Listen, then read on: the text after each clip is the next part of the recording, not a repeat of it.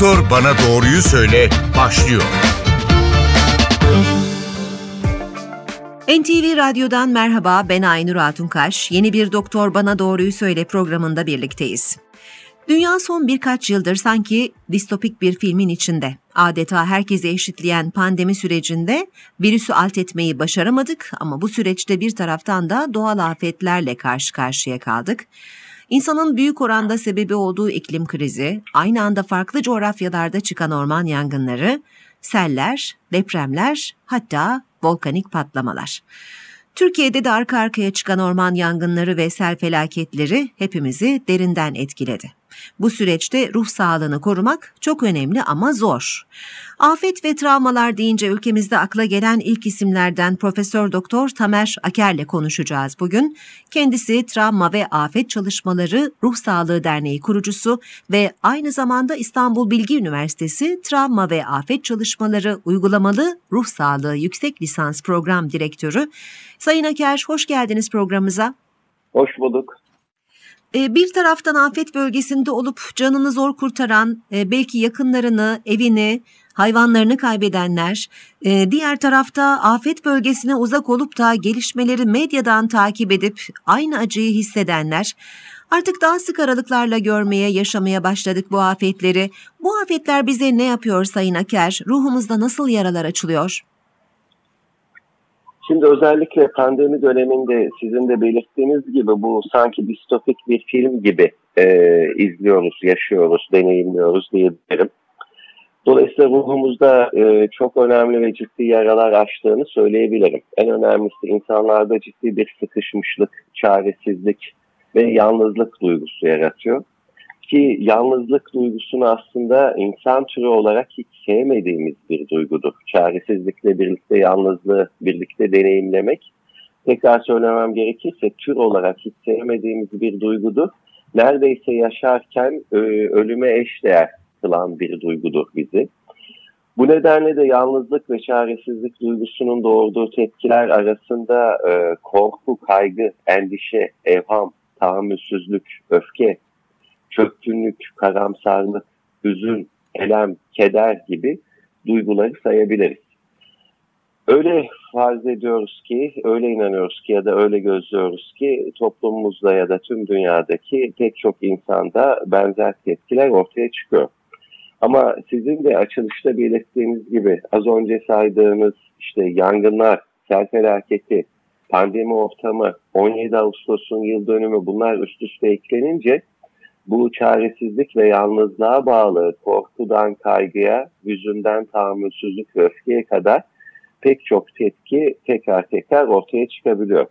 E bu da ne oluyor bizde? Dikkat sorunlarına yol açıyor, uyku sorunlarına yol açıyor, korkulara, paniklere yol açıyor, hüzne, kedere, yaz tepkilerine yol açıyor, yalnızlık, çaresizliğe yol açıyor, ciddi öfke tepkilerine yol açıyor. Ama şunun altında çizmek isterim ki bu tepkilerin pek çoğu olağan ve beklediğimiz tepkiler.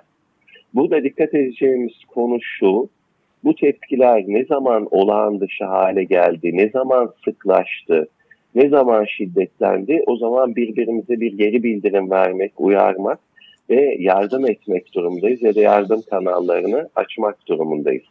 Çünkü aslında şifa yine insanların kendilerinden gelecektir ve birbirimize yaptığımız sosyal destek, etkileşim, iletişim ve ilişki bizim iyileşmemizi de sağlayacaktır.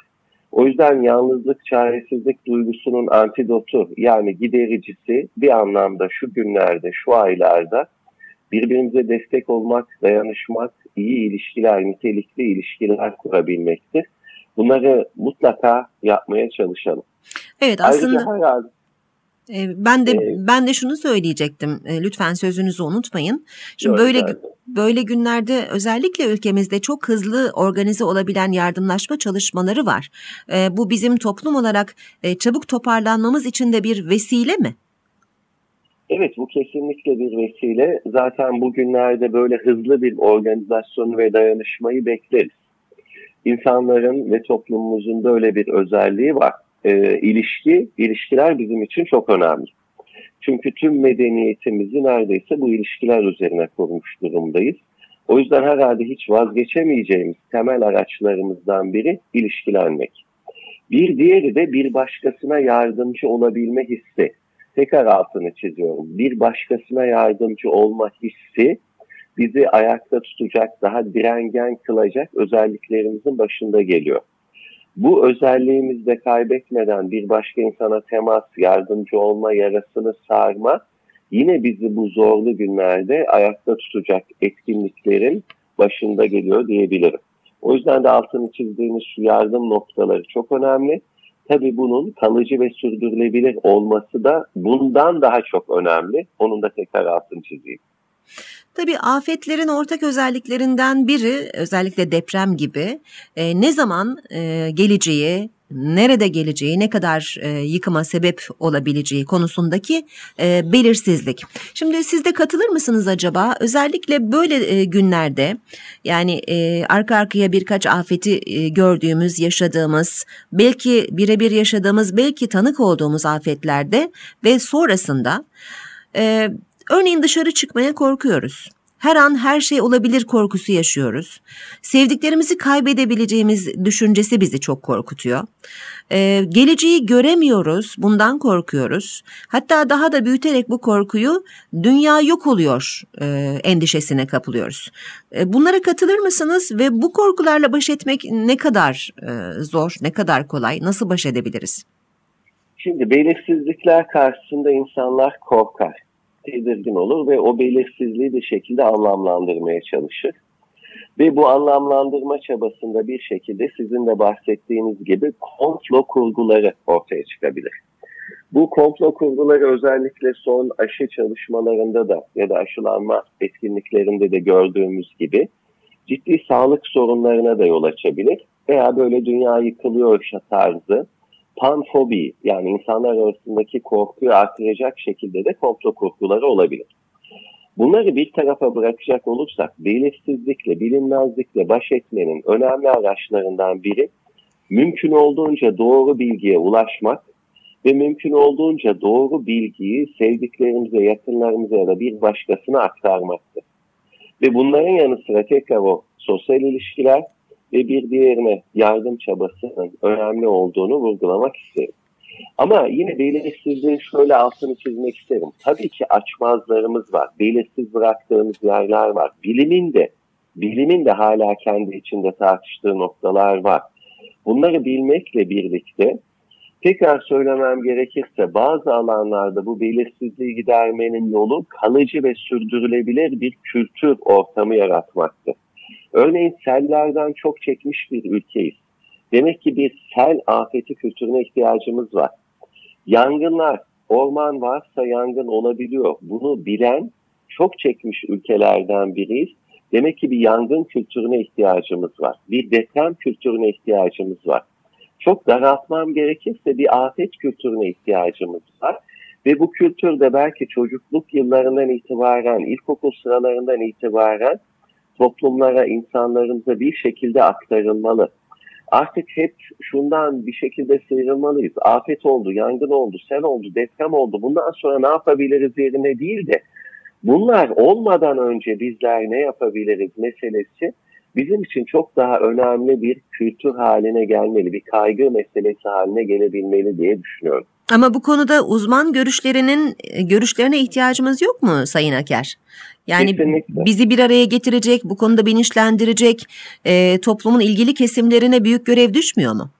Kesinlikle her kesimin e, ciddi görüşüne ihtiyacımız var. Alan çünkü çok geniş bir alan. Yangından bahsettik. Orman mühendisliği başka bir bilim dalı. Uzman görüşüne ihtiyacımız var. Seller başka bir bilim dalı. Uzman görüşüne ihtiyacımız var. Afet, deprem tamamen başka bir bilim dalı. Uzman görüşüne. Pandemi de öyle. Biliyoruz yani bilim insanlarının görüşü ve kamu otoritesi yetkililer de bu görüşleri bir potada eritip bunu hem bir e, siyasi edim olarak kurgulamalı ama aynı zamanda da halkın geniş kesimlerine bu bir kültür olarak yerleşmeli. Mesela artık bazı yerlere binalar yapılmamalı.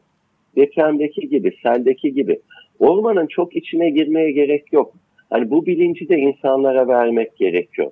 Şöyle bir kavram sanki yerleşmeli ülke geneline bu sağlık meselesi, tek sağlık meselesi çok önemli bir mesele. İnsan sağlığını Eğer ülkemizdeki insanların sağlığı bizim öncelikli alanımızsa, uzmanlarında, siyasetçilerinde insan sağlığını korumanın yolu doğa sağlığını, çevre sağlığını korumaktan geçiyor. Hayvan sağlığını korumaktan geçiyor. Bunları bir bütün olarak değerlendirmeliyiz. Hani Evet. O kadar çok tehditle karşı karşıyayız ki çevresel tehditle. Biz de bu tehditlerin içine kendimizi sanki bile isteye, tırnak içinde söylüyorum bunu, sokuyor gibiyiz. Evet bilmeden giriyoruz çoğunlukla. Ama bu konularda daha uyanık ve farkında olmamız gerekli. Biz sağlıklı olmak istiyorsak çevremizde sağlıklı olmak, sağlıklı yapmamız gerekiyor. Bu bir zorunluluk. Ee, özellikle pandemi döneminde bir infodemi kavramıyla tanıştık. Ee, doğru, yanlış pek çok bilginin ortalıkta dolaştığı bir süreci belki de çok güzel anlatan bir kavram bu.